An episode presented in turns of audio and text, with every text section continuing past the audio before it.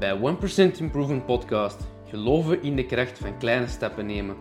We gaan in gesprek met gepassioneerde mensen uit verschillende vakgebieden. We delen kennis, praktische tips en diepgaande inzichten omtrent mentale en fysieke gezondheid.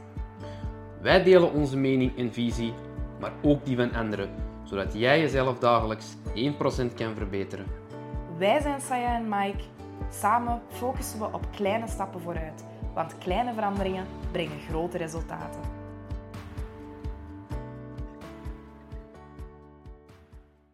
Welkom bij alweer een nieuwe aflevering van de 1% Improvement Podcast. Vandaag hebben we een special guest. Jullie kennen hem waarschijnlijk al van Camp Waas. Niemand minder dan Xander de Nijs. Xander is intermittent living coach en tevens ook zaakvoerder van CryoHealth. Hij komt ons wat meer vertellen over het intermittent living concept, welke voordelen we hier allemaal uit kunnen halen en uiteraard hoe jullie er zelf mee aan de slag kunnen gaan. Dus, Xander, welkom bij de podcast. Dankjewel, Mike. Ik ben uh, blij hier te zijn. Ja, het is uh, fijn dat we de podcast hebben. Dus Xander, vertel nu eens, wat is eigenlijk een intermittent living coach? Wel, um, het intermittent living concept is eigenlijk iets dat... Um, allee, de grondlegger is eh, Leo Pruimboom. Um, en het gaat eigenlijk terug naar de, evolu naar de evolutionaire theorie. 10.000 jaar geleden hadden wij, laten we zeggen, nog altijd met misschien 0,01% verschil hetzelfde fysiologische lichaam als dat we vandaag hebben. Maar we merken dat op vandaag, ja, uiteraard is alles veranderd. Uh, alle prikkels zijn veranderd. Je krijgt veel meer prikkels via social media, via tv, via eh, gewoon dat je 10.000 jaar geleden uh, kreeg. Um, we zien ook dat 10.000 jaar geleden um, er andere stressoren waren. En nu zien we bij, bij veel mensen bepaalde chronische stressen komen door onder andere werk, financieel, gezinsmatig. Um, veel mensen die eigenlijk continu heel veel uh, stress ervaren op heel veel vlakken. En ons lichaam is daar niet per se voor gemaakt. Het intermittent living concept is eigenlijk dat we teruggaan naar de stressoren die we 10.000 jaar geleden hadden. En voorbeelden daarvan kunnen zijn ademhaling, koude, warmte, honger, dorst. En door die um, stressoren terug, door, door, een klein beetje uit je comfortzone te gaan, ga je eigenlijk je lichaam terug resetten, is misschien niet het juiste woord, maar terug in balans brengen, zodat eigenlijk alle hormonen die gemaakt worden in ons lichaam terug beter in balans zijn. Dat dat bij vele mensen in onze maatschappij op dit moment niet volledig uh, in balans zijn. Oké. En wat is dan eigenlijk het, het, doel van deze toepassing? Is dat dan eerder uh, je je goed voelen? Of, of echt de, de gezondheidsvoordelen. Hè? Want ik weet natuurlijk, ja. ik weet er ondertussen ook al wel wat van. En ik weet uh, dat er heel veel gezondheidsvoordelen mm -hmm. te halen zijn. Ja. Zelfs toepasbaar op bepaalde ziektebeelden. Ja. Maar wat, nee. een intermittent living coach, hoe, hoe past die dat dan juist eigenlijk toe? Ja, dus natuurlijk, het is, een, het is heel individueel. Het is uh, te bekijken van individu op individu. Uh, voor, de, voor de ene persoon gaat het over uh, performance dat nog hoger kan.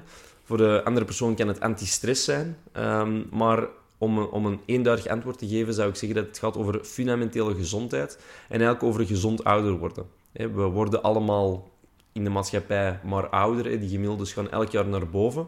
Maar we, we merken ook dat we heel vaak veel zieker worden. En um, dat is, dit is eigenlijk een manier waarop dat je op een heel toegankelijke manier um, terug de juiste dingen kan doen om je uh, uh, gezonder en beter te laten voelen. En ik denk de twee grootste oorzaken van de welvaartsziektes die wij kennen, en met welvaartsziektes bedoel ik bijvoorbeeld diabetes type 2, burn-out, depressie.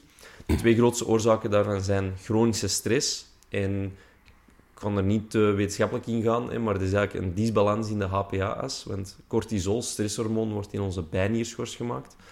Um, en daarnaast ook een te calorierijk voedingspatroon. Dus dat we één waarschijnlijk te veel calorieën eten, maar daarnaast ook niet de meest optimale calorieën. En om daar ook heel kort door de bocht te gaan, zal ik geraffineerde suikers als uh, voorbeeld aanhalen.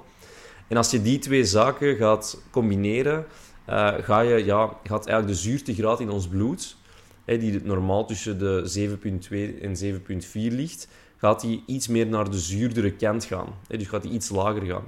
En in een zuurdere omgeving um, dat is een heel goede voedingsbodem voor ontstekingen. En dat is geen ontsteking dat we van de ene dag op de andere krijgen, maar dat kan zijn ja, als, je, als je een jaar jezelf ehm, minder goed verzorgt, als je heel veel junkfood eet als voorbeeld, of heel veel op stress heel lange dagen klopt, kan het zijn dat je bijvoorbeeld na een jaar uh, last krijgt van je onderrug, een hernia. Je, kan, je, kan, een frozen shoulder krijgen, een tenniselleboog, pijn in de knieën bijvoorbeeld. En dat noemen wij dan laaggradige ontstekingen. Dat zijn geen ontstekingen die er van de ene moment op de andere inkomen, maar dat zijn die al heel lang sluimerend zijn. En de zuurtegraad in het bloed kan daar een oorzaak van zijn door wederom oorzakelijk te veel stress en het voedingspatroon. En een intermittent living coach gaat dat analyseren hè, van oké, waar zitten de, de Oké, er zijn pijnklachten, uh, mensen voelen zich niet goed, mensen hebben brain fog, ik, ik, zeg maar een paar voorbeelden. Of mensen willen ook gewoon nog beter presteren, dat kan ook een voorbeeld zijn. En hoe gaan we dat aanpakken? Wel, door een hormetische prikkel. En wat is een hormetische prikkel? Dat is iets, dat is een, een, een prikkel buiten onze comfortzone uh, in C, um, maar dat op langer termijn schadelijk is voor ons lichaam, maar in, die, in het juiste protocol heel veel fysiologische voordelen gaat opleveren. En ik denk, hè, een voorbeeld van koude, hè, dat zou een cold exposure, een koude douche, kan een heel goede prikkel zijn, want ik ken weinig mensen die een koude douche fijn vinden. um, het, um, maar je gaat er wel je, je, je een pak beter door voelen na, na, nadien dat je het gedaan hebt. En uiteindelijk, ja, eigenlijk elke vorm van sport kan al een hormetische prikkel zijn. Als iemand traint voor een marathon, dan is een, een, een duurloop van een uur uh, kan een, een, heel goede hormetische prikkel zijn, omdat nadien zijn spieren er terug van recupereren en sterker van worden. En maar de hormetische prikkels waar dat wij over spreken binnen het intermittent living concept, gaan wel degelijk over de stressoren die wij 10.000 jaar geleden hadden. Oké, dus eigenlijk uh, het toepassen van kortstondige acute stressoren Klopt. Om eigenlijk daar optimale gezondheid uit te kunnen halen. Klopt, klopt. En om nog misschien even terug te gaan, dat heeft ook heel veel te maken met ons autonoom zenuwstelsel. En het autonoom zenuwstelsel is eigenlijk het zenuwstelsel in ons lichaam dat voor alle, dat alle handelingen uh, doet die wij onbewust doen. Bijvoorbeeld, onze pupillen worden groter en kleiner afhankelijk van het licht. Ons speeksel wordt gemaakt als wij aan voeding denken of als wij een maaltijd zien. Onze hartslag gaat naar boven en naar beneden. Wij moeten daar niet over nadenken. Dat gebeurt allemaal automatisch. En de, we hebben daarin twee systemen. Het sympathische um, zenuwstelsel en het, of het sympathische systeem en het parasympathische systeem.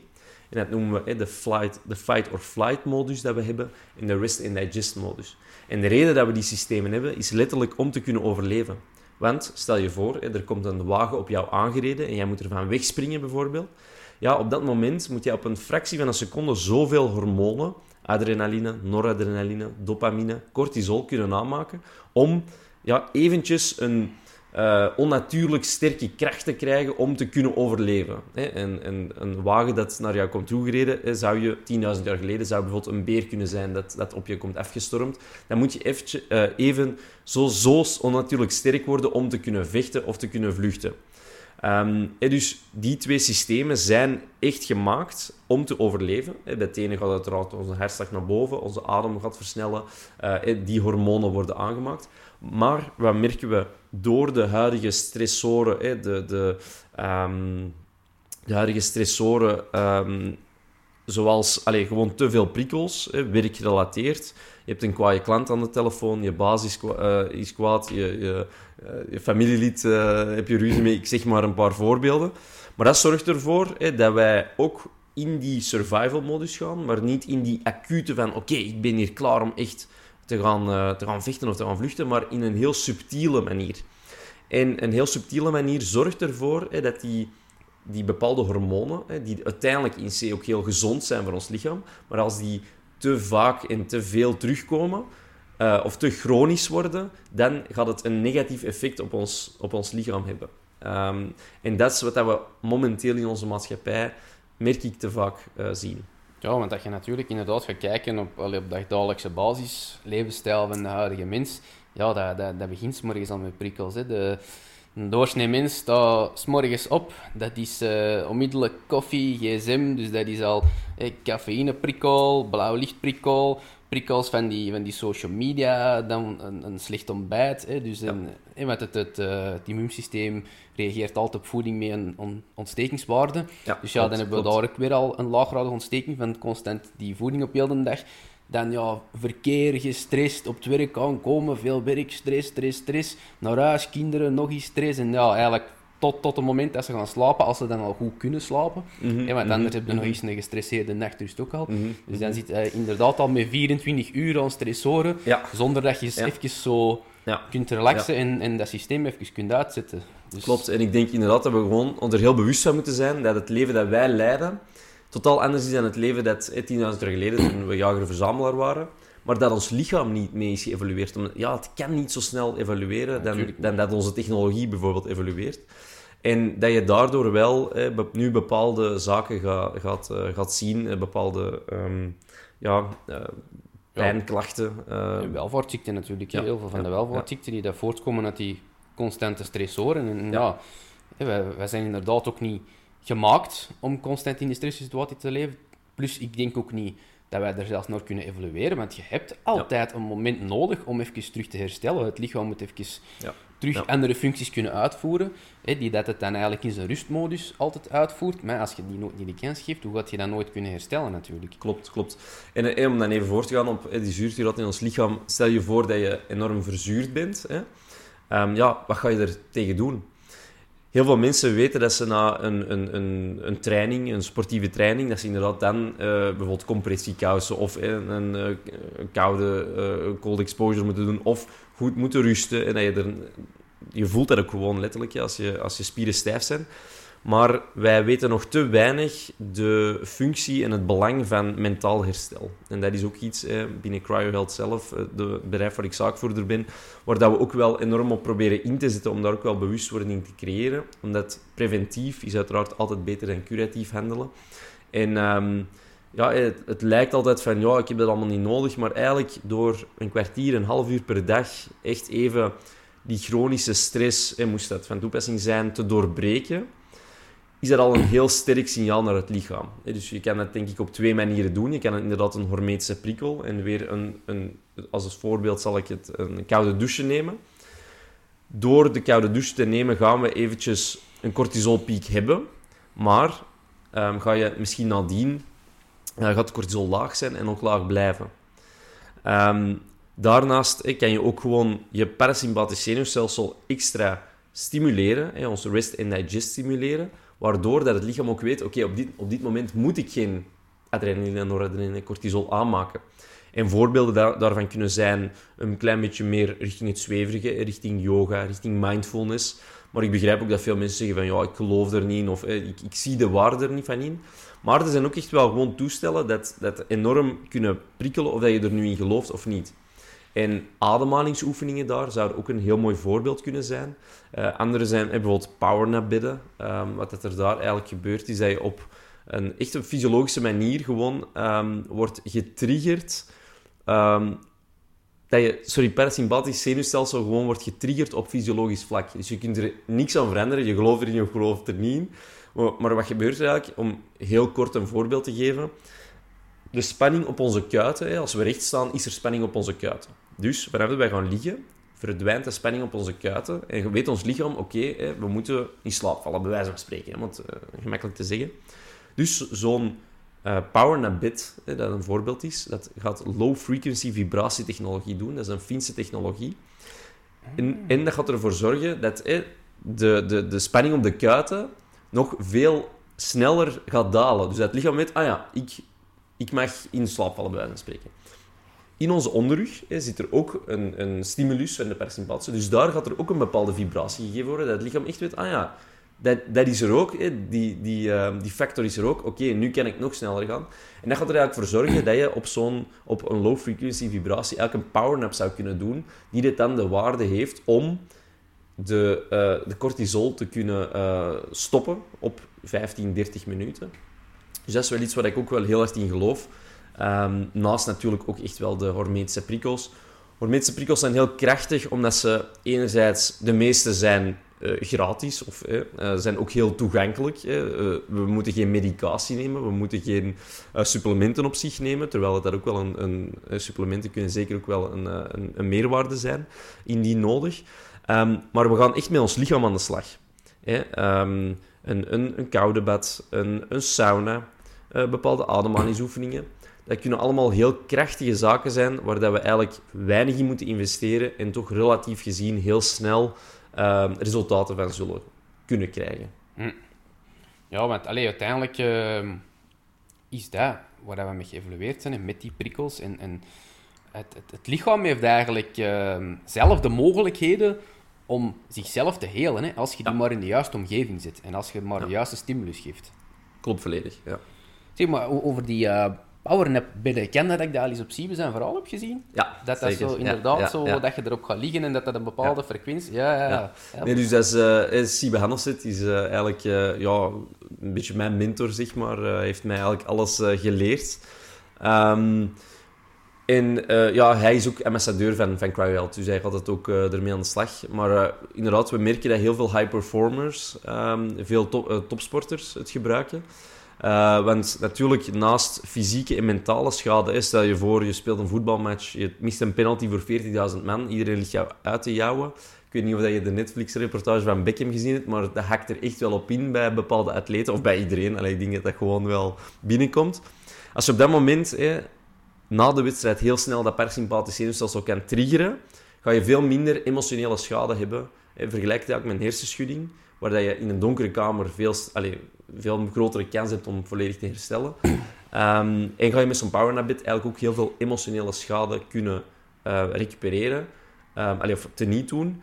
Um, maar je kan ook bijvoorbeeld, als je echt zegt, ik voel me echt stijf, eh, er is het natuurlijk ook echt wel voor het fysieke herstel, zijn er natuurlijk ook wel programma's voor. Oké, okay, ja. dat is ook wel. Ja. Ik had moet eens... het uh, zeker eens komen testen, maar ik... Uh... Ja, maar ik had eens gezien. Ik dacht, oh, dat is cool. Ik denk, oh, dat moet ik ook hebben. En dan ging zo naar de prijs en dacht ik, ja, even wachten.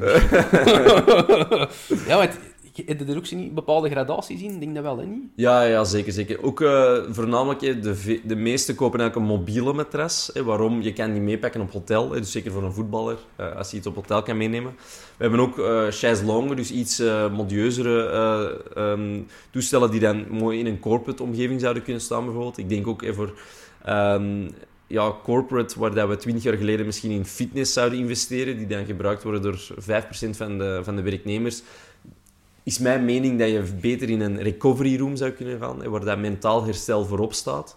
Um, omdat je zo preventief ook wel... Eh, de, de burn-out cijfers zeggen genoeg, denk ik, in België.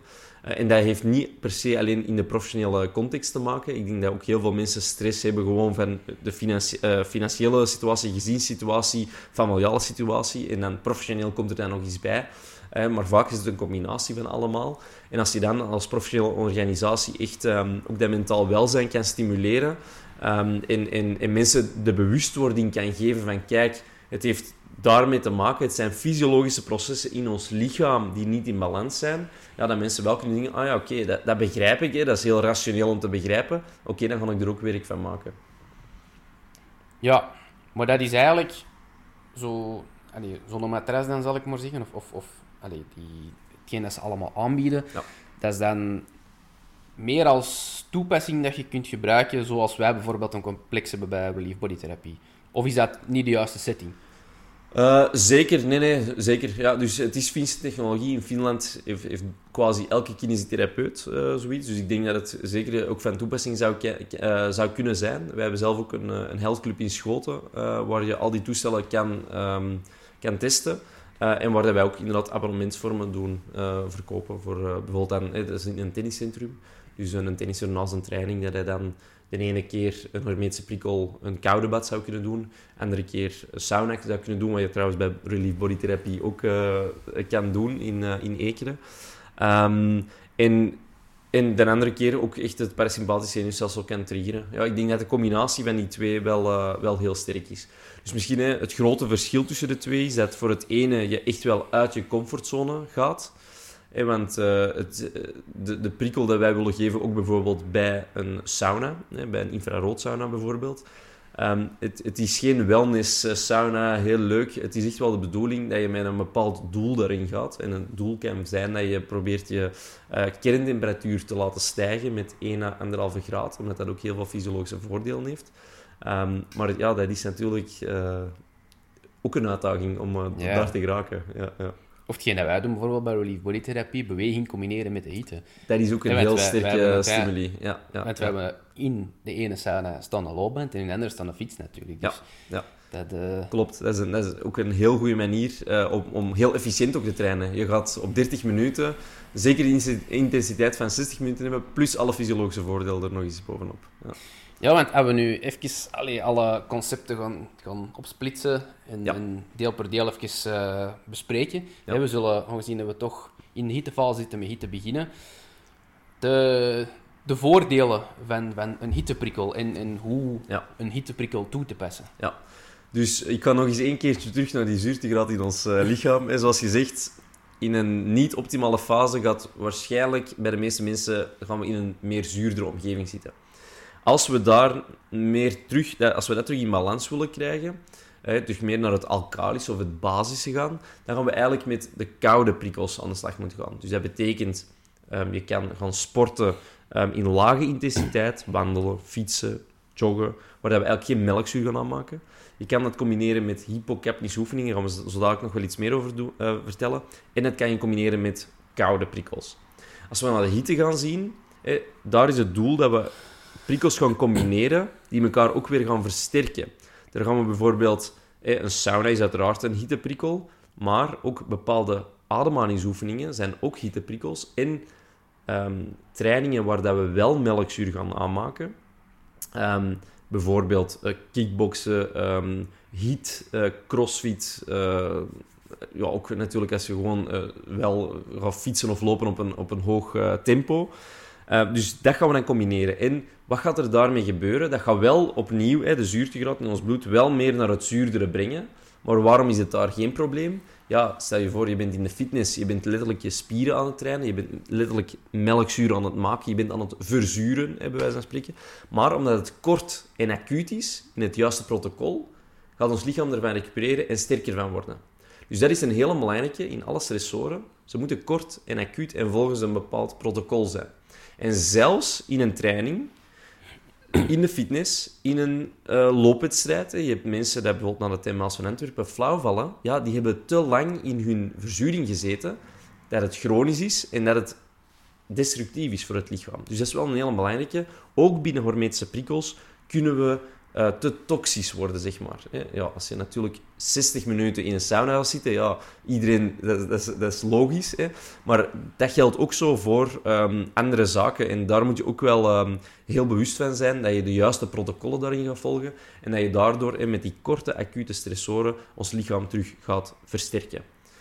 Um, over de hitte, zoals gezegd, um, de, de, de combinatie. Waarom is de combinatie zo sterk? Ja, omdat we op dat moment eventjes ons lichaam verder in die verzuring willen brengen.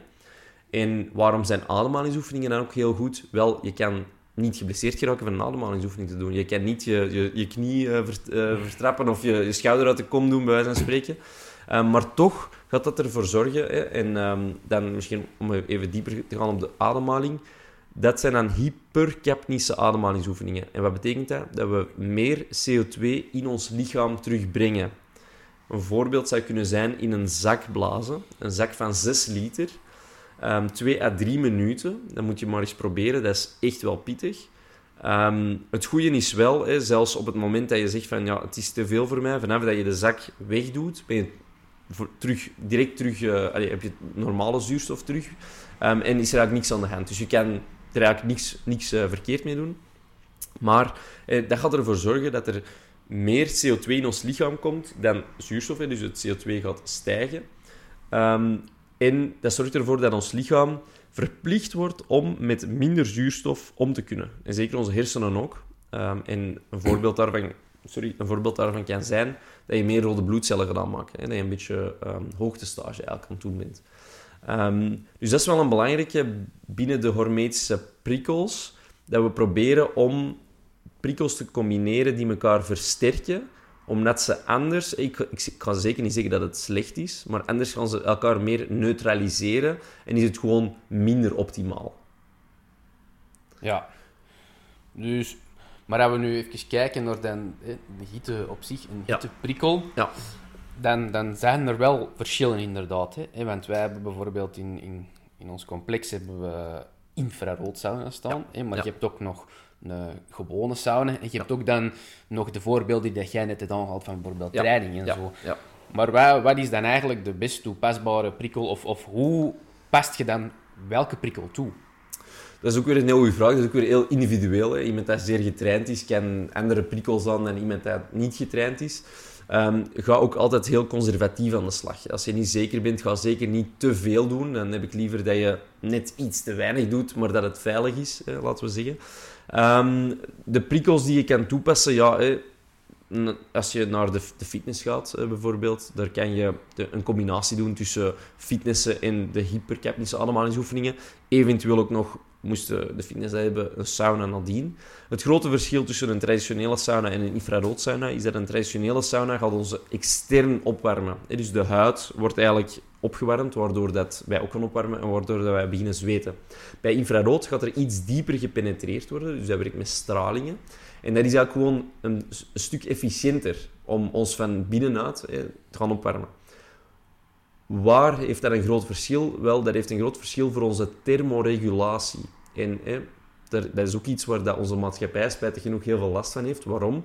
Wij zitten op dit moment in 20 graden. Wij zitten in onze wagen in 20, eh, tussen de 20 en de 24 graden. Wij zitten op ons werk, in de fitness. We zitten overal tussen de 20 en 24 graden. Wat zorgt daarvoor? We zitten altijd in onze comfortzone. Wat zorgt daarvoor? Ja, het is eens 30 graden of het is eens 5 graden. En ik hoor al iedereen, eh, al mijn familieleden, oh, 30 graden, oh, ik kan het niet aan. ah."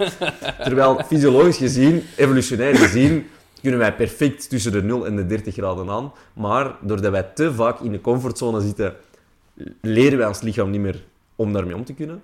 En natuurlijk, Mike, wat is een heel goede manier om, er, om dat terug te trainen? Extremen opzoeken. Ja. Cold exposure, sauna bezoeken, beide evenwaardig goed. Ehm, ehm, eh, om ook die thermoregulatie dus opnieuw ook, eh, te verkrijgen. Ja, ik moet nu zeggen, eh je weet misschien dat wij in de tijd die, die tweedaagse opleiding bij de SIEB zijn gaan volgen. Ja. Ah, wel, en ehm, toen had ik dat ook aangehaald, want ik was ook helemaal niet goed met hitte. En toen zei ik tegen hem, ja, altijd als ik, want toen deed ik nog mijn eh, bureaujob. En dan zei ik, ja, en dan is er altijd binnen zo warm en ik heb altijd moeite en ik word daar zo suf en zo. En dan zei hij tegen mij, ja, jij moet eigenlijk meer in de infraroodsauna. En ik dacht, ja, ja, maar wat gaat dat nu doen? Ik moet nu zeggen, ik ben dat nu al een tijdje aan het doen. Zo één à twee keer per week, 30 minuutjes in een infrarood, 75 graden. En in het begin was dat echt, oh, dat was, dat was ja, uitputting en, en, en zweten vanaf min- minuut 1, dat zweet liep eraf. En ik moet nu zeggen, ik ben er, eh, gisteren ben ik er nog eens in geweest. En eh, dat gaat echt al stukken beter. Je zag dat zo week op week verbeteren. En nu kan ik al gemakkelijk 10 minuten, een, een kwartier op 75 graden erin, zonder dat ik echt zo overmatig begin te zweten. En, en zonder dat ik echt die, die ja, extreme hitte voel. Ja. En, en nu kom ik, er zelfs, kom ik er zelfs uit en kan mijn lichaam echt goed thermoreguleren. En zeggen, oké, we gaan een beetje downreguleren zijn en terug goed op niveau brengen, zonder dat ik er effectief last van heb. En ook eh, van de zomer dan, natuurlijk, hè, met, dat, met dat zo warm buiten was en, en zo warm hier binnen ook was, kon ik er veel beter mee omgaan. Ik kon terug echt goed, ik, ik had een goed cognitief vermogen, eh, ik, ik had niet constant last van zweetaanvallen, Ja. ik kon echt goed functioneren eigenlijk in de hitte. En, en dat kon ik ervoor niet. Nee, en, en daar draait eigenlijk het hele intimate liv- living concept rond. En zoals dat je zegt, dit is een heel makkelijk voorbeeld. Hè. Eh, als je te- beter tegen de warmte wil kunnen, moet je warmte trainen. Hè. Dat, is, dat snapt iedereen. Maar als je beter tegen stressmanagement wil, eh, ehm, als je beter tegen stressmanagement wil worden, ja, ga je misschien je ademhaling beter moeten kunnen controleren. En dat is wel iets dat mensen zeggen, ja, ademhaling, hè, dat, dat klinkt ook weer zo heel zweverig en zo. Maar dat is eigenlijk eh, een van de grootste oorzaken, onze ademhaling. Eh, in onze maatschappij gaan 9 op de 10 Belgen ademen te hoog. Dus je kan vanuit je borst ademen en vanuit je middenrif. En ik zal het middenrif even buik noemen om het eh, iets visueler te doen, maar het is dus wel degelijk het middenrif waar eigenlijk een ballon eh, naar buiten toe gaat en terug naar binnen toe komt. En als je, eh, als je te hoog ademt, eh, wat gaat er enerzijds gebeuren? Je gaat tegen je lichaam vertellen, wel, eh, je moet in je survival modus zitten, want het zou kunnen dat er bij wijze van spreken een beer hier achter de hoek staat. Terwijl als je meer vanuit het middenrif of via de buik gaat ademen, dat je lichaam echt gaat vertellen, nee, het is oké. Ik ben niet in een levensgevaarlijke situatie, een levensbedreigende situatie. Je moet geen hormonen aanmaken, want ik ben in een veilige situatie. Dus ademhaling is volgens mij ook een heel grote oorzaak waarom dat veel mensen te veel um, ja, cortisol, adrenaline, uh, etc. aanmaken, omdat ze niet optimaal ademen. En een testje dat je zou kunnen doen, je moet eens proberen een minuut lang je adem te tellen, waarbij dat adem uit en adem in één tel is.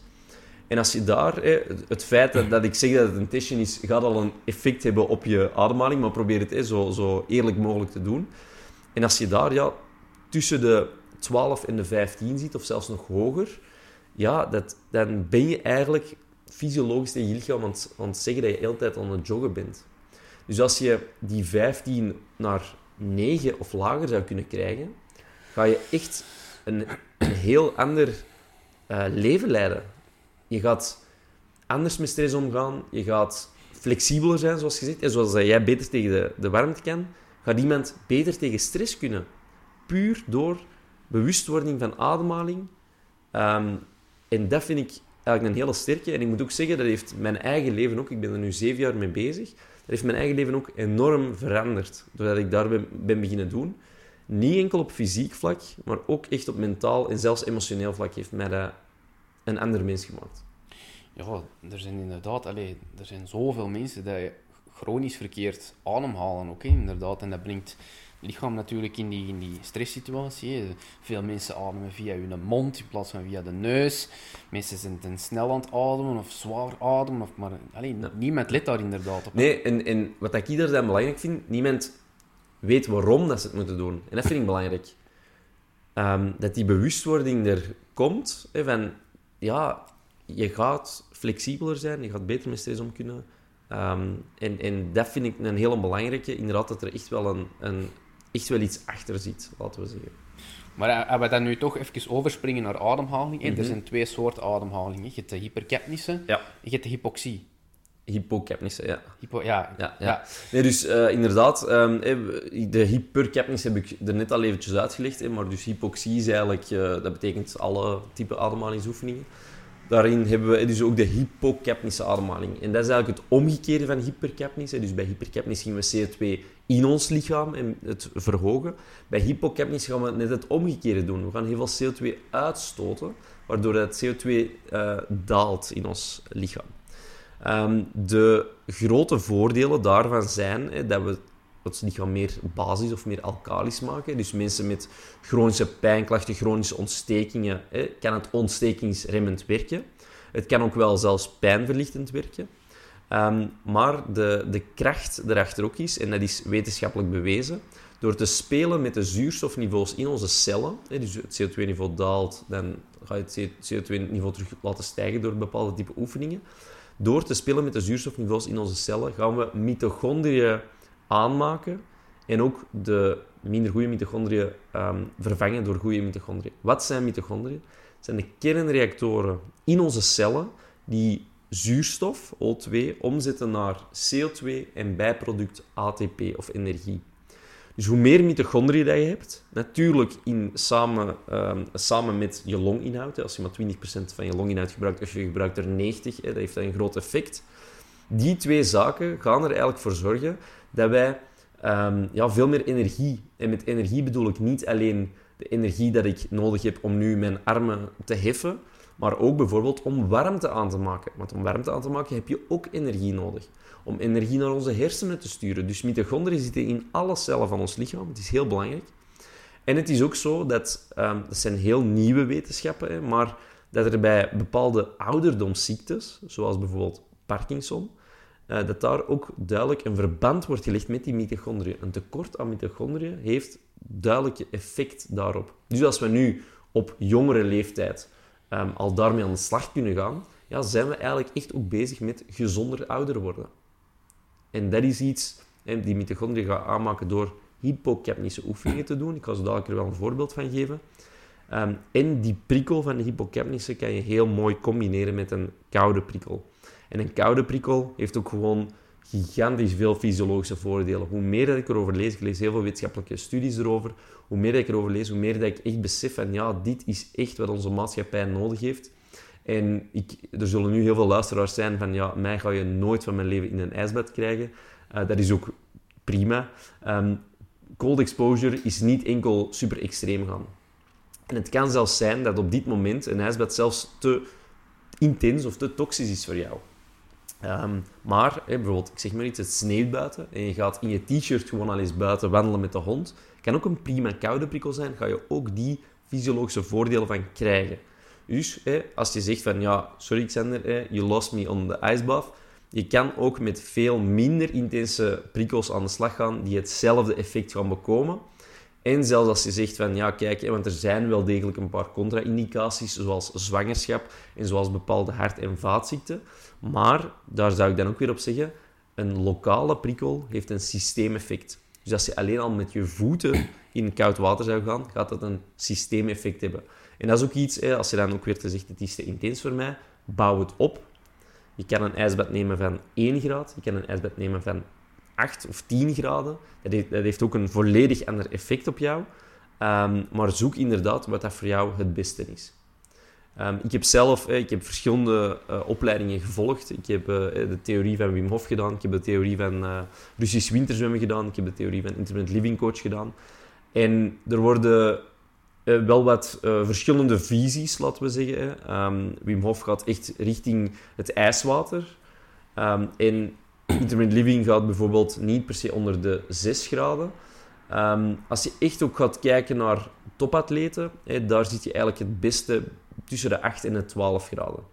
Als we echt over een koude bad spreken, alles onder de 16 graden, voor alle duidelijkheid, noemen wij een koude bad. En dan, ja, als er dan ijsblokken in zitten, dan noemen we het een ijsbad. Maar um, dat is ook nog eh, relatief op zich.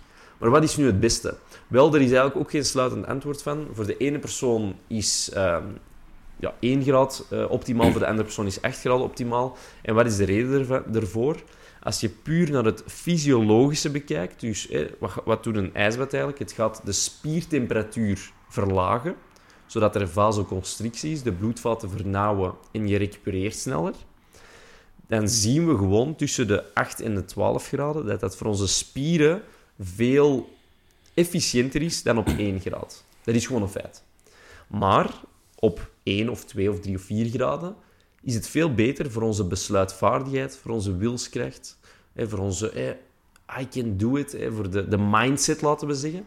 Dus dat is voor sommige mensen ook een hele belangrijke. Dus ik kan niet zeggen het een is beter dan het andere. Ik zeg gewoon, er zijn andere doeleinden voor elk individu. En daar moet je inderdaad zeggen van, ja kijk, ik ben een profvoetballer die elke week een match heeft en na de match wil ik een koude bad. Ja, dan zou ik niet aanraden om in 2 graden te gaan zitten, omdat dat te in, uh, intensief zal zijn voor jouw spieren.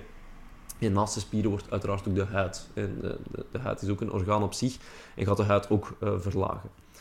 Um, en naast koude, uh, koude baden is ook koude luchttherapie, bijvoorbeeld cryotherapie, is ook een zeer goede.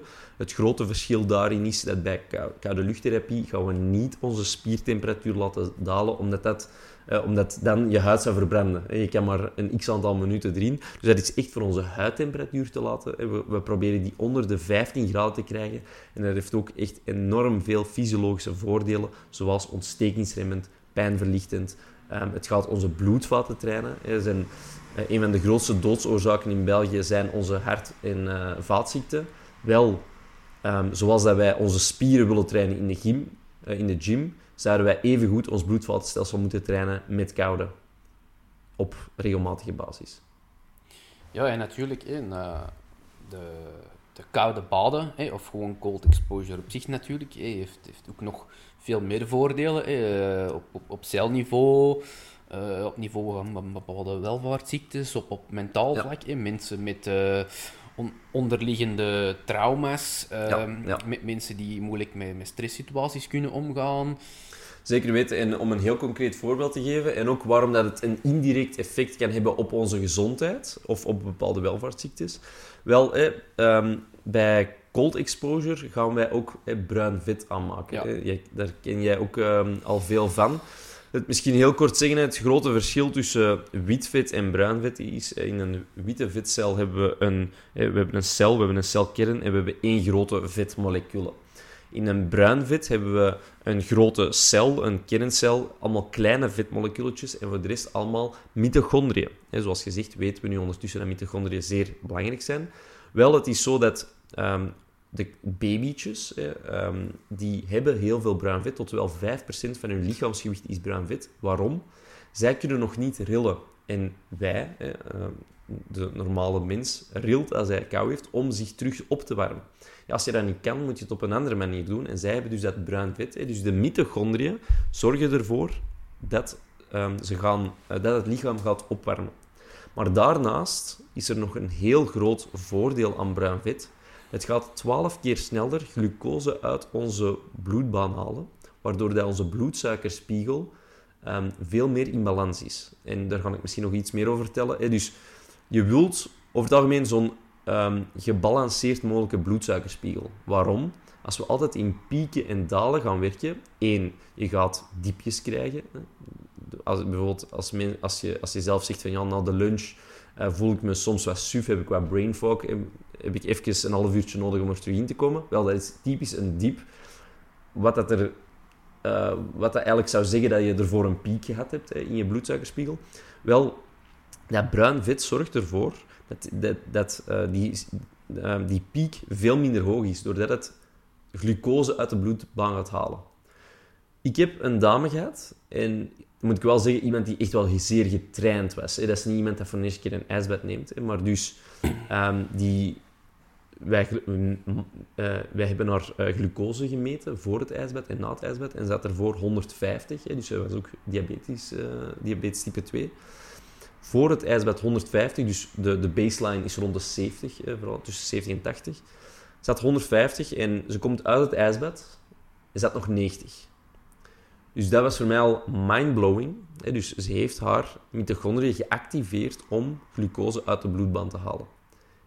En voor die reden zeg ik ook dat diabetes type 2, wat dat eigenlijk, want het grote verschil tussen diabetes type 1 en type 2 is dat bij diabetes type 1 gaan de, um, de, de uh, beta-cellen in onze pancreas, die zijn er gewoon niet.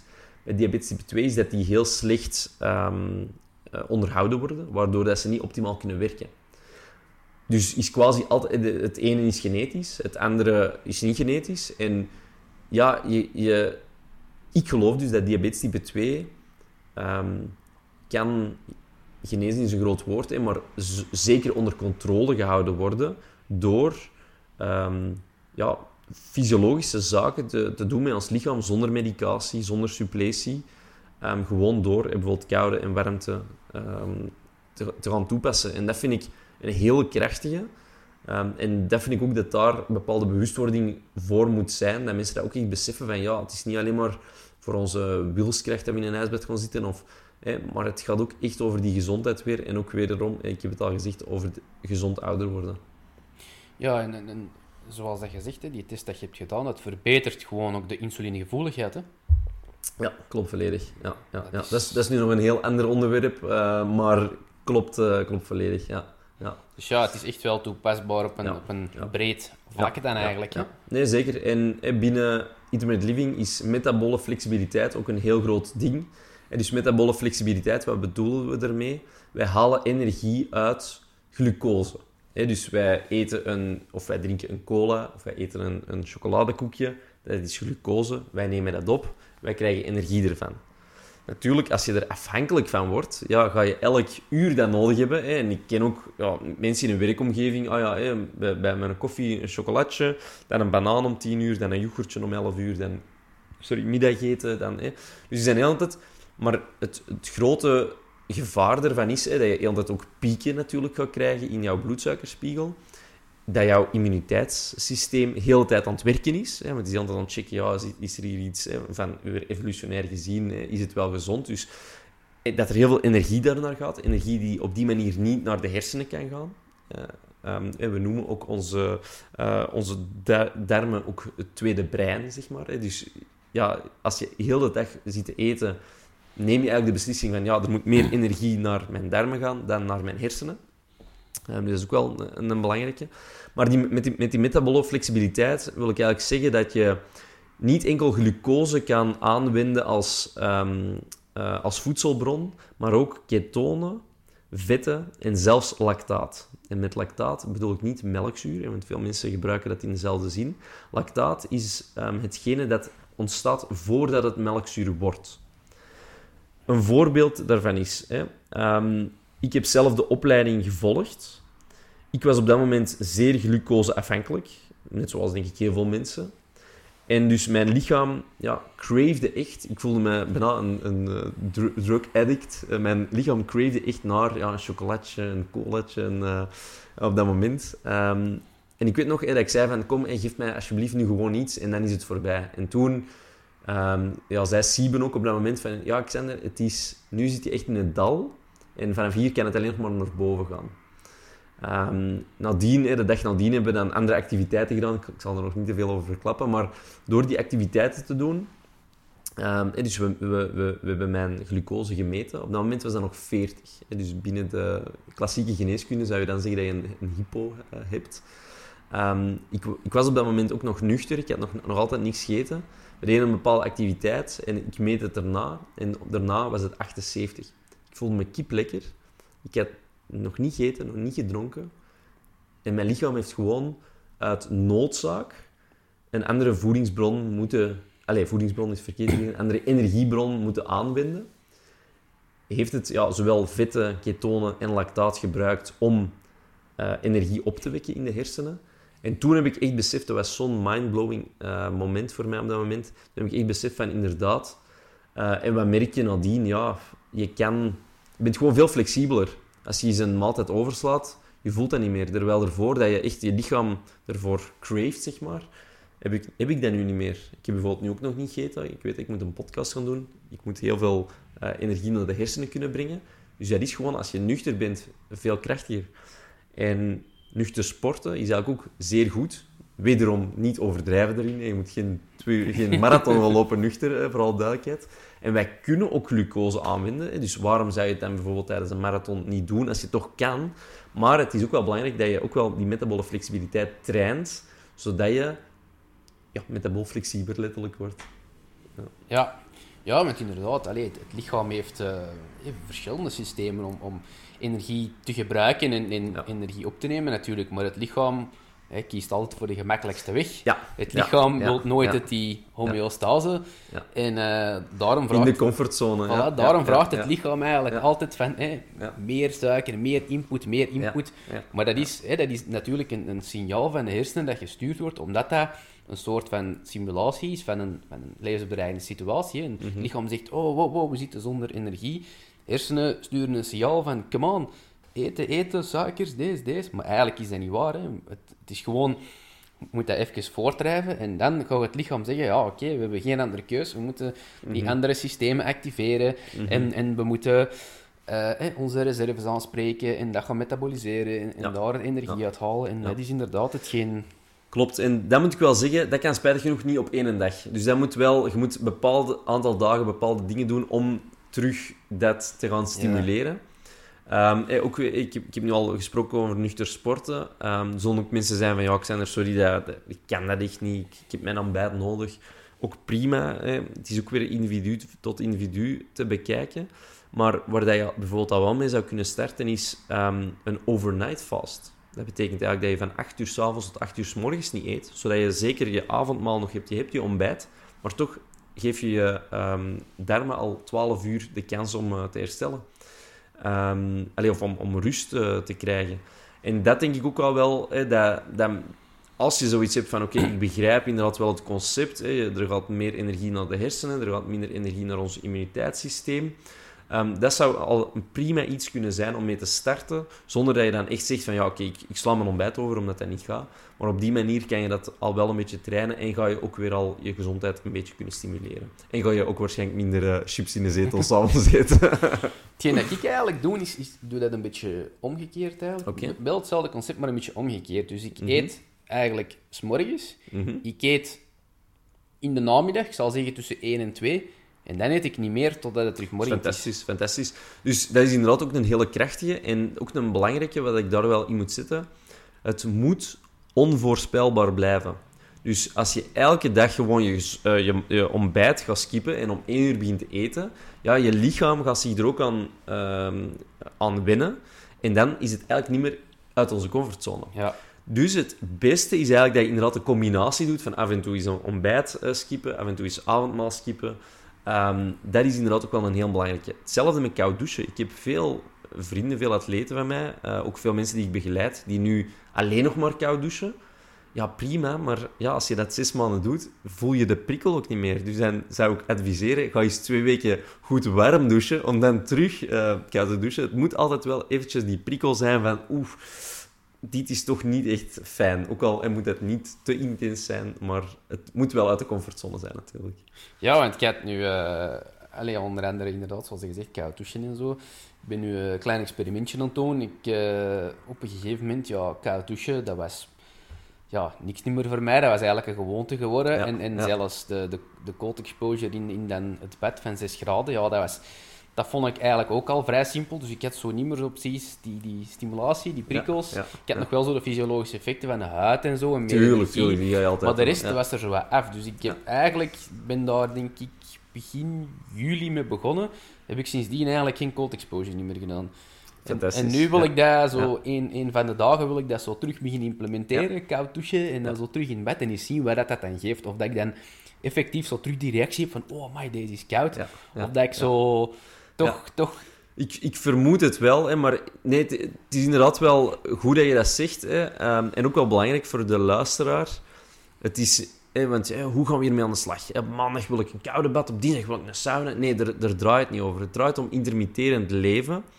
En elke prikkel die je gaat doen, hè, dat die ehm, uit de comfortzone is, maar hè, dat, dat, dat, ja, dat onvoorspelbare een beetje er ook eh, in zit. Dus ik ben eigenlijk heel blij dat je zegt van ik heb het al een paar, paar maanden niet gedaan. Prima. En eh, nu terug, eh, we gaan terug richting de winter, dus we willen ons terug wat flexibel richting de winter doen. Dus dat je dat nu opnieuw gaat trainen, is eigenlijk, eh, ja, kan ik alleen maar zeggen, well done. Ja. Ja, ik wil, ik wil echt zo, zo de, wat extreme... Want ik wil Ja, van de ja. winter eigenlijk ook zo'n... zo'n is dat? Zo'n buitenduik? Allee, zo'n... Ja, ja, noemen ze dat? ja, Zo'n ja. nieuwjaarsduik, denk ik? Ja, is dat? ja, ja, Hè, dat ze ja. zo in de zee springen, Ja. ook wel eens Ja. gaan doen. Dat, Ja, dat lijkt me ja, ook ja. nog wel iets. ja, zeker, zeker. Maar ja, we zaten nu eigenlijk bij het stukje van voeding, intermittent fasting dan eigenlijk. Ja, ehm, de, de, de voordelen dat we daaruit kunnen halen. Hè. Je hebt al Mhm. inderdaad gezegd, beter cognitief vermogen en zo. Mhm. Maar uiteindelijk gaat dat ook ehm, invloed hebben op ons metabolisch proces, ons insulinegevoeligheid natuurlijk, hè, ons ja. eh, hoogcalorisch patroon, zoals gezegd, dat we dat natuurlijk weer gaan verlagen. En, en, Ja. Het is dus wel heel belangrijk te zeggen, hè, want ik ken veel mensen die zeggen, ja, ik eh, intermittent fasting, ik eet elke dag pas om één uur.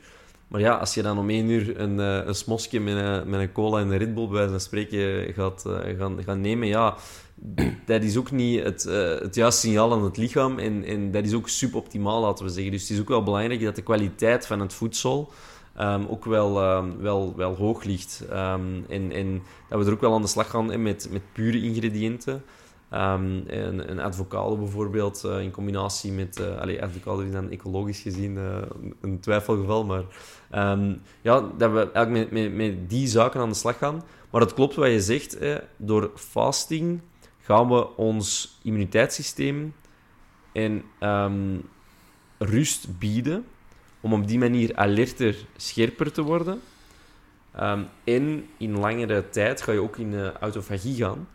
Ehm, mijn persoonlijke mening, want je, je hoort mensen dat 72 uur gaan fasten. Ehm, mijn persoonlijke mening, ik heb het zelf nog nooit gedaan, dus ik, heb er ook niet, allee, ik kan er moeilijke mening over hebben. geprobeerd. Ja, ja. Maar ik vind dat je in alles ook niet te extreem mag gaan. Ehm, dus je moet zeker heel goed getraind zijn als je daarmee aan de slag gaat. Dus als je nu niks ervaring hebt en je zegt van ja, ik ben dat goh, ik kan nog geen eh, twee uur zonder. Ja, ga, ga dat niet meteen heel extreem. Dat, heeft, dat gaat alleen maar een negatief effect op het lichaam hebben. Dus als je zoiets doet, weet goed met wat dat je bezig bent. Ga je goed inlezen. Ehm, en train er ook echt voor. Net zoals dat, dat, je voor een marathon moet trainen, moet je voor zoiets ook trainen. Misschien dat jij er iets wil over zeggen, over jouw ervaring van de 72 uur. Wel, ik moet zeggen, die 72 uur, ehm, dat, in het begin gaat dat goed, maar ik moet zeggen, naarmate dat je dag per dag eigenlijk verder gaat, dan begin je wel te merken dat dat toch iets te lang is. Ja. Omdat je, allez, zeker in, in de huidige levensstijl, moest je nu bijvoorbeeld, ik zal nu maar een voorbeeld geven, als je dat in de zomer zou doen bijvoorbeeld, en je bent iemand die heel veel buiten werkt, heel veel in de zon is, hè, dan heb je de energie natuurlijk hè, van, van de zon, Mhm. de, de elektronen en de protonen van de zon en zo. En dat geeft u natuurlijk energie, want dat gaat je hè, mitochondria stimuleren. Ja. Maar als je iemand zei bijvoorbeeld, zoals ik toen was, iemand dat constant binnen ziet, artificieel licht, eh, sedentaire levensstijl, altijd zitten, weinig beweging, eh, constant cognitief vermogen nodig hebben, ja, dan is dat wel heel zwaar. En dat je dan nog eens gaat trainen, je, je lichaam gaat, allez, je krijgt ook niet meer de juiste signalen om te herstellen. Dus dag 1 gaat top, je voelde wij je top. Mhm. Maar dan begint het lichaam zo over te schakelen precies naar een systeem van oké, we zijn hier nu wel eigenlijk aan het downgraden. We gaan een beetje in, in een downfall, omdat Ja. je geen... Je hebt niet meer genoeg input. Ja, ja. Dus het... Dat heeft ook te maken, Mike, natuurlijk met, met de metabole flexibiliteit. Stel je voor dat je echt heel goed getraind bent om wel vetten en ketonen en lactaat aan te spreken, kan het anders zijn. Ehm, maar inderdaad, eh, eh, over het algemeen, ja, ik heb dat ook zo in- met een ijsbed bijvoorbeeld. Ik zou nooit iemand ehm, aanraden om 15 minuten in, in ijswater te gaan zitten. Er, heeft, er is niks... Allee, ik zie er echt geen voordeel aan, buiten het ego dat zegt, kijk hoe lang dat ik in een ijsbed kan zitten. Ik vind echt dat je met de juiste protocollen aan de slag moet gaan. Ehm, maar natuurlijk, ja, als je heel goed getraind bent, dat is met de marathon ook. Niet iedereen kan op dit moment de marathon lopen. Dus niet iedereen kan op dit moment 72 uur vasten. Je moet er echt wel voor trainen. Ja. Maar ik, ik denk ook niet eigenlijk dat dat per se nodig is, die 72 Nee, uur klopt, Je kunt eens een, klopt. een, Ja. hey, je kunt eens een, een dagje, misschien Ja, maximum ja. twee dagen. Maar echt zo dagen en een stuk, ja, dat... Ik heb, eh, het langste dat ik gedaan heb is 24 uur. En dan eh, dry fast, dus ook niet gedronken. Ehm, en nu kan ik dat echt heel... Allee, de eerste keer dat ik dat deed, was dat een hel. Hè. Ehm, maar nu kan ik dat wel relatief goed aan. Maar het meeste dat ik zal doen is eh 16, 17 uur. Ehm, Hm. En, en ik ga me er ook niet, eh, niet druk in maken als dat is ook niet is. En, en ik vind ook... 80-20 is ook een hele belangrijke regel. hè. Als je 80% gedisciplineerd kan leven en 20% eh, niet, dat dat ook eh, echt gaat zorgen voor consistente groei. Ik denk als je altijd 100-0 gaat zijn, dat er altijd wel een bepaalde decompressie zal zijn. Ehm, dus bij mij ook, eh, op zondag ga ik af en toe ook wel eens een, eh, eh, allee, een, bro, allee, of een sandwich eh, eten. Of, eh, maar tijdens de week proberen, proberen mijn vrouw en ik wel eh, ook heel gedisciplineerd te leven en ehm, eh, heel gezond te leven. Ja. Ja, daarmee is het ook intermitterend, hè. Exact. En, eh, en voilà, een, een lekkere pizza eten kan ook eh, heel intermitterend en heel stevige prikkel zijn natuurlijk. Ja, maar Ehm, allee, als, Ja, nee, klopt volledig wat je zegt. En, als, als je op verlof gaat, dan, dan gaat je sowieso intermitterend leven. Hè? Ja. Want allee, je, Ja. je gaat niet je, eten van je thuisland, gaat je niet meepakken naar daar, Ja. Om, om daar klaar te maken. Ik zal dan maar zeggen, ja, als jij morgen zegt, ja, oh, reis je naar Thailand, ja, en je gaat daar de huidige cultuur eh, opsnuiven en, en daar eten, ja, de eerste paar dagen zul je het wel merken. En dan Zeker gaat het weer weten, wat zeker gewoon worden natuurlijk. Ja, maar ja, zeker. En dan zelfs ook, zelfs richting hygiëne. Ja, ehm, mits dat wij een zeer hygiënisch land zijn, dat heb je ook eh, bij de corona gezien, en we moesten overal ons eh, handen desinfecteren, zien we nu ook ja, dat we bijna niks meer aan kunnen. Dus misschien is het ook af en toe goed om eens een, eh, een stevige hygiënische prik, om bij wijze van spreken. En ik heb het nu niet dat je je hemden niet moet wassen naar het toilet gebruikt, maar dat, eh, kinderen die in de modder spelen is, een, is heel sterk. Of kinderen die met huisdieren opgroeien, ja, die gaan veel meer bacteriën eh, eh, binnenkrijgen, ehm, wat dat dan op langere termijn ze flexibeler of sterker gaan maken. dat deden wij vroeger, als kind in de bossen gaan spelen, op de boerenveld gaan spelen, eh, in de modder gaan rollen, al die dingen, ja, in een beek kruipen. Ja, dat. En dan merk je nu ook bij, bij de huidige jeugd dat dat ook iets minder is. En, en ja, dat er daar ook ja, mindere flexibiliteit is op die manier. Ja. Ja, en op latere termijn kan dat ook weer voor gezondheidsproblemen zorgen, Zeker, omdat je die, die resistentie niet hebt opgebouwd natuurlijk. Ja. Klopt, klopt. Alright, dus dan hebben we nu eigenlijk al, al hitte gehad, we hebben koude gehad, we hebben ademhaling gehad, we hebben beetje Voeding gehad. Ja, ja, beweging. Dat is natuurlijk ook wel echt een, eh, Ja. een belangrijke. ja, zeker, zeker. En daarin, zoals gezegd, ehm, is het... eh, en ik, ik zeg niet per se dat het altijd zo is, hè, maar het is optimaal om dan ehm, de juiste beweging te doen met de juiste prikkels. En daar heeft melkzuur veel mee te maken. Als je melkzuur gaat aanmaken, ga je lichaam meer verzuren. Als je geen melkzuur aanmaakt, ga je... Niet per se, maar ga meer richting het alkalisch of basis. Dus ik ga persoonlijk altijd... Eh, bijvoorbeeld, ik ga s ochtends met mijn hond 45 minuten wandelen. Daarna neem ik een koude douche. En daarna doe ik een, een uh, hypocapnische ademhalingsoefening. Of later in de dag. Op 10 zeg ik dan bijvoorbeeld... Eh, of, uh, of op een andere dag ga ik dan s'avonds... Ik geef kickboxles bijvoorbeeld. ga ik een kickboxles geven. Ga ik daarna nog een heel klein beetje zelf gymmen. Neem ik een sauna. En in de sauna doe ik een hypercapnische oefening.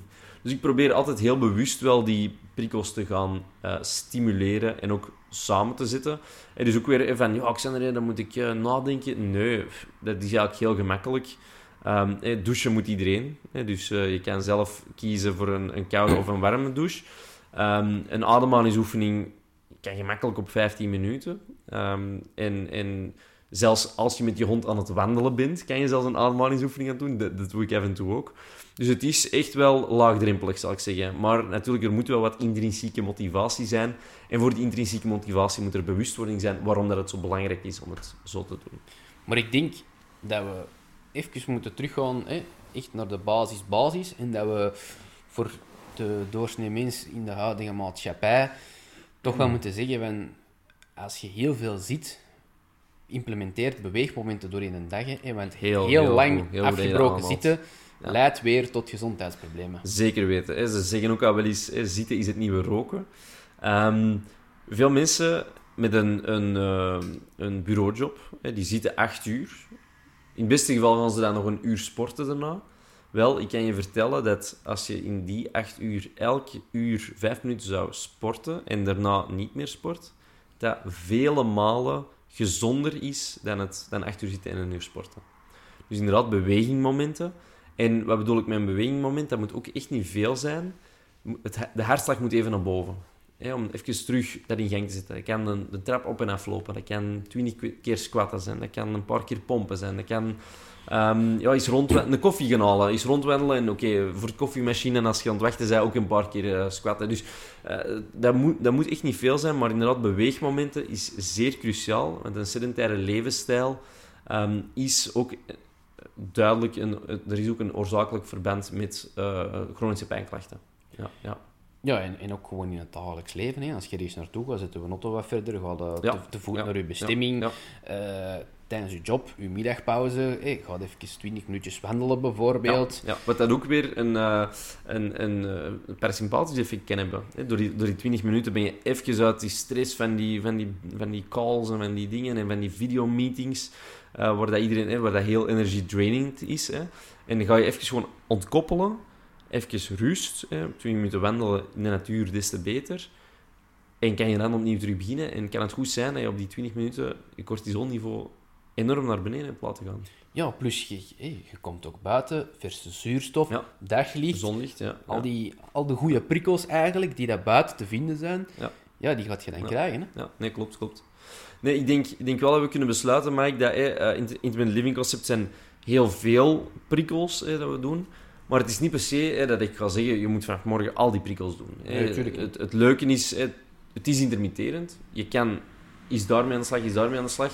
Dus denk ook zelf eens even na van, ja, ik heb wel wel last daarvan. Of ja, ik eet wel, ik merk dat ik te veel calorieën binnen doe en te weinig beweeg, bijvoorbeeld ga met de prikkels aan de slag die je zelf denkt en ga ook één per één aan de slag. En een hele belangrijke daarvan is, uh, ik denk goede voornemens is er een heel goed voorbeeld van. Ons lichaam en onze geest zijn twee aparte zaken. Dus onze, onze intrinsieke motivatie kan wel eens zeggen van oké, ik ben super gemotiveerd om, ik zeg maar iets, de 10 maals van Antwerpen, om een voorbeeld te, uh, te, te, gaan lopen. Dus oké, ik ga trainen. Hè. Maar het kan goed zijn dat dat lichaam dat al jaren niet goed onderhouden is, hè, dat een suikerverslaving heeft bijvoorbeeld, hè, dat die gaat zeggen van, hè, dat hij heel vaak Netflix kijkt, dat dat gaat, craven naar die Netflix. En als je hè, dat lopen dan gaat combineren met, ja, ik kan ook gezonder eten, ik kan ook yoga doen, ik kan ook hè, dit en dat, dat dat lichaam eigenlijk in een volledige shutdown zal gaan en dat je vaak terug zal hervallen in de oude gewoonte. Dus een heel goede manier, en daar eh, noemen we habit transformation. En dat is ook iets waar ik met, klanten van mij ook mee aan de slag ga. Het is wetenschappelijk bewezen dat je op acht weken een nieuwe gewoonte kan kweken. Maar eh, het grote probleem is dat wij als we dan zo gemotiveerd zijn, ineens vijf nieuwe gewoontes willen kweken, wat dat niet mogelijk is. Dus ga altijd aan de slag met één gewoonte. En een goede manier zou dus kunnen zijn, je maakt een lijstje met de gewoontes. En eh, ik, ik zeg altijd, die je dichter bij je purpose brengen. En bijvoorbeeld mijn purpose kan zijn, ik wil mensen inspireren en motiveren om gezonder, sterker en gelukkiger te worden. Stel je voor dat ik zelf zou roken. Ja, dat zou niet naar mijn purpose toe gaan. Maar als ik zelf natuurlijk elke dag uh, ga lopen, zou dat wel zijn. Dus stel je voor, ik wil stoppen met roken en ik wil beginnen met lopen. Dat, dat zijn dan twee gewoontes. Een gewoonte dat ik wil aanleren en een gewoonte dat ik wil afleren. En dat kan wel binnen die acht weken. Je weet, na week 4, 5 en 6, dan gaat je lichaam enorm tegenstribbelen. Veel mensen gaan daar hervallen, na vier weken ongeveer. Zorg ervoor dat je een beetje sociale druk hebt. Ga met een vriend lopen bijvoorbeeld. Hè. Uh, zet het op Facebook. Hè, ik stop met roken, ik zeg maar iets. Hè. Je kan van alles doen. Dat je ook, als je dan een moeilijk momentje hebt, dat je gewoon werkt met een trainer, werkt met een coach. Ik heb heel vaak mensen die mij dan, als, als we hetzelfde uitvoeren, die na vier, vijf weken zeggen van ja, Xander, ik heb echt geen zin om te gaan lopen. Dat ik letterlijk zeg, doe je loopschoenen aan, stap uit de deur, begint en zie wat u doet. Ja, dat lukt altijd. Het is, is de first step out of the front door is de moeilijkste. En die na acht weken zeggen, ah, maar ik zeg, je hebt me zo gecoacht. En ik zeg, ja, je hebt mij letterlijk twee keer opgebeld. En ik heb twee keer gezegd, doe de loopschoenen aan. Dat is letterlijk het enige. Dus je hebt de kracht echt in u, maar sociale druk kan er wel voor zorgen dat je tot die acht weken geraakt. En vanaf je die acht weken hebt, gaat eigenlijk neuroreceptors in ons lichaam hebben, die dat dan ook een beetje gaan craven. Dus als je dan niet meer gaat lopen, gaat het lichaam zeggen, ja, kom, nee, ik wil gewoon lopen. Ik heb de, nu de neuroreceptoren. Uh, uh, en dat je dan bijvoorbeeld ook de neuroreceptoren van het roken hebt weggedaan. Doordat je die acht weken bent kunnen stoppen. Um, dus de habit transformation gaat altijd over één goede gewoonte aanleren en één goede gewoonte afleren. En ik vind dat, dat we binnen het intermittent living verhaal ook wel een beetje zo moeten werken. Dat we niet van de ene dag op de andere met alles aan de slag moeten gaan. Want ons lichaam gaat na een paar weken zeggen: nee, dit is uh, echt niet oké. Maar zie gewoon wat dat voor jou van toepassing kan zijn. Zie een beetje oorzakelijk van, oké, je denkt wel dat je zelf kan beseffen dat je misschien te veel stress op je werk zal hebben. Of dat je niet altijd um, supergezond kan, kan eten. Denk daar ook over na van, oké, okay, met wat wil ik nu echt aan de slag?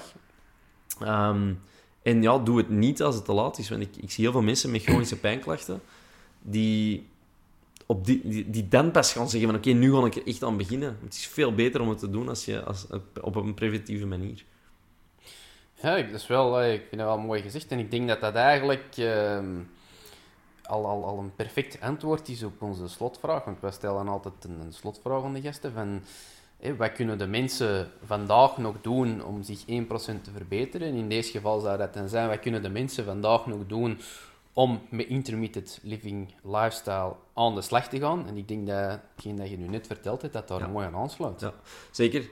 Het, het allerlaatste dat ik daar nog wel eh, aan wil toevoegen is, eh, nogmaals, de voorzichtigheid. Um, ga altijd wel aan de... Als je niks ervaring hebt, zou ik toch wel aanraden om iemand te contacteren. En dat kan jij ook zijn, dat kan relief body therapie zijn, dat kunnen wij ook zijn. En we zullen zeker onze Instagram delen. Maar ga er altijd voorzichtig mee aan de slag. Want het kan zo snel zijn dat een prikkel te toxisch zal worden. En om weer het voorbeeld van een ijsbad. je zegt, ik ben super gemotiveerd om in het ijsbad te gaan. En ik zal eens laten zien aan, aan Xander en Mike. Ik kan dat wel 15 minuten. En stel je voor, je komt onderkoeld uit dat bad. Oké, dat is dat is zeker niet oké, maar je gaat uiteraard wel overleven. Maar nadien ga je misschien zeggen van, ja, sorry Xander, ijsbad, no way. ik heb er zo hard van afgezien, dat ga ik nooit meer doen. Dus dat is wel een heel belangrijke. Ga met de juiste protocollen aan de slag. En wees je er heel erg van bewust dat hè, het, het, het ego soms verkeerde keuzes kan maken. En, en ja, dat is nog wel een, een belangrijke. Ga echt, uh, check ook de contra-indicatoren. Uh, dat zijn ook zaken. Uh, en als er vragen zouden zijn, dat je zeker ook naar Mike of naar mij een bericht mag sturen. wij antwoorden er heel graag op. Ja.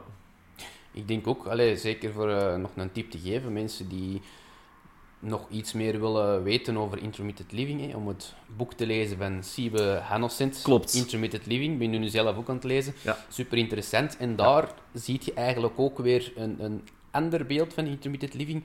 Hè, want hij vertelt dan zijn verhaal over zijn struggles eigenlijk met zijn ziekte en hoe dat hem er uiteindelijk van verlost is geraakt. Ja. En daar gaat hij dan eigenlijk weer eerder de medische toepassingen zien. Hoe dat, dat dan in de medische wereld Ja. wordt toegepast om, om bepaalde welvaartsziekten en, en andere zaken eigenlijk, Ja. systeemziekten Ja. aan te pakken eigenlijk. En, en, en. Dat, is, dat is ook Nee, wel klopt, klopt. Dus, eh, het is zo dat eh, Sibe Handelsit, ehm auteur van Intermittent Living ehm, en ook een eh, goede persoonlijke vriend, ehm, heeft dat boek geschreven. Hij heeft eh, heel lang de ziekte van Lyme gehad, eh, zonder het te weten. Dus hij had ja, altijd chronische ontstekingen en hij wist gewoon niet van waar het kwam. Hij was een beloftevolle voetbalspeler. Ehm, en dan na x aantal jaar is het dan terechtgekomen. Hij heeft heel veel medicatie, hij heeft alles geprobeerd, antibiotica, ehm, cortisone, alles. En dan op een bepaald punt, ja, die protocollen beginnen volgen. Wel redelijk extreem. Hè? ehm, en hij is er volledig van afgeraakt. En nu dat ik er ook meer wetenschappelijke publicaties over lees, en zeker ook zuurstoftherapie, waar het dan die mitochondriën ook een heel groot eh, effect in hebben. Ja, dat is letterlijk, eh, kan je de Lyme disease mee, eh, ehm, eh, genezen. Ehm, maar het is inderdaad het is een heel inspirerend verhaal, omdat het van, hemzelf uit, echt ook van chronische pijnklachten, tot de man die hij nu geworden is, wat een heel vitale, heel scherpe, heel energieke persoon is. Ehm, dus ja, het is, eh, het is zeker de moeite inderdaad om het boek te lezen. Het is ook een heel leuk boek. Ik heb het, eh, denk ik, op twee dagen uitgelezen. Dus, eh, Ja, en, en wat ik ook wel echt zot vond, was dat hem, hij, heeft dan twee knieoperaties onder gehad. Ja, ja. En en, en dat, dat dan eigenlijk, dat hem zei van, ja, nu terugkijkend op die operaties, was dat misschien zelfs niet nodig geweest. Had dat vermeden kunnen worden. En als je dan zo'n beetje denkt van hoe dat eigenlijk de medische wereld maar constant operaties ligt uit te voeren, dan Mhm. denk ik soms van, Mhm. misschien is dat toch allemaal niet echt nodig. Ja en nee. Ehm, over de meeste wereld ga ik me niet te veel uitspreken, maar er zijn ook echt mensen die ziek zijn en die moeten genezen worden. Dus de meeste wereld is nodig, vooral duidelijkheid. Tuurlijk, ja. Ehm, en de meeste wereld is ook opgeleid om symptomen te bestrijden. Een huisarts kan ook niet de tijd nemen om iedereen te gaan analyseren waar dat het, of dat het in de darmen misloopt of daar. Die zegt gewoon, oké, je hebt brandend maagzuur, ik geef jou iets tegen brandend maagzuur. Dus je mag die dat ook niet kwalijk nemen, dat, dat ze aan symptoombestrijding doen. Ehm, maar vaak is er inderdaad wel een achterliggende oorzaak ehm, die, waar dat wij dan eerder op gaan focussen. Maar ik begrijp ook heel goed, bijvoorbeeld het spoed is ook zo'n voorbeeld. Zij gaan jou daar op, op het spoed oplappen, maar ze gaan daar geen allee, extreme testen gaan doen natuurlijk. En, en dat begrijp ik ook gewoon heel goed, dat dat ook praktisch onhaalbaar is. Dus nee, ja, de medische wereld zeker nodig, hè. zeker voor ziekte. Maar wij proberen ons te focussen op de mensen die nog gezond zijn, om die gezond te houden. en dat is ook wel een mooie missie natuurlijk.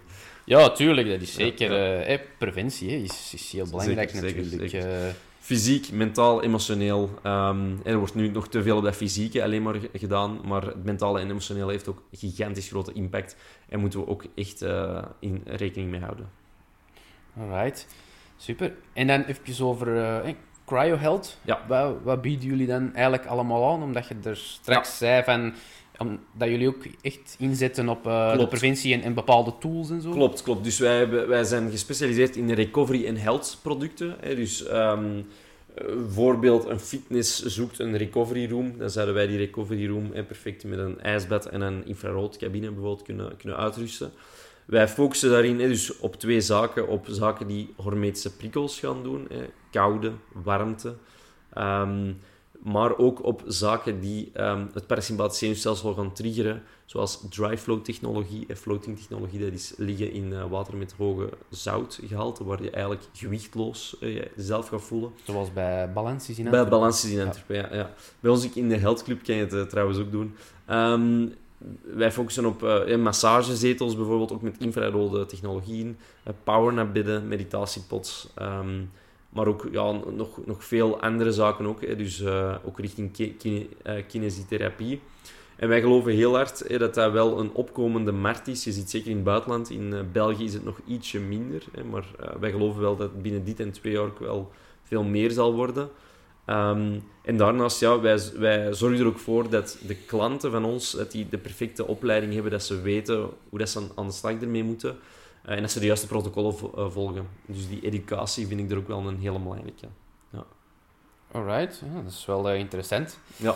Dus ja, dan, dan nog een heel belangrijk aspect natuurlijk. Waar kunnen de mensen u vinden en contacteren? Ja, via Instagram, uh, via Xander Denis. Zullen we misschien ook uh, in, de, uh, in de dingen ja, zetten. Ja, allemaal in de show notes zetten natuurlijk, de, links ja, en zo. Ja, in en... de notes. Um, je mag me altijd een, een, als je vragen hebt of als je niet weet hoe je er dan mee aan de slag moet, kan je altijd...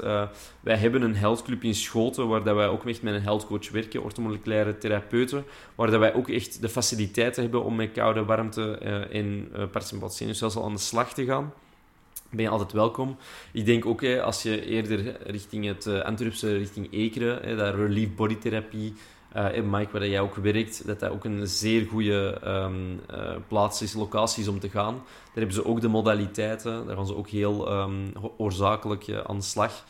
Um, dus ja, ik denk dat dat al twee plaatsen zijn waar je zeker naartoe kan.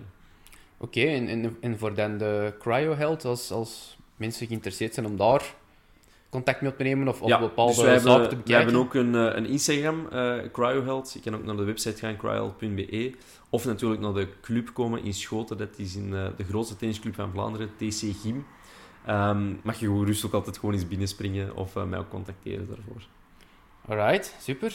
Super. Xander, dan wil ik u bedanken voor uh, te komen en voor ja. alle interessante informatie ja. te delen. En uh, Mike, ook bedankt voor de professionele setup. En uh, ik vond het zeer aangenaam. Alright, en voor de luisteraars, tot de volgende. Dankjewel om tot het einde bij ons te blijven. We hopen dat deze aflevering je geïnspireerd en gemotiveerd heeft. Vond je het interessant? Abonneer dan zeker op onze podcast, deel deze aflevering met een vriend en laat ons weten wat je ervan vond op onze social media kanalen, waarvan je de links in de show notes terugvindt. Heel graag tot de volgende aflevering en onthoud, kleine stappen brengen grote resultaten.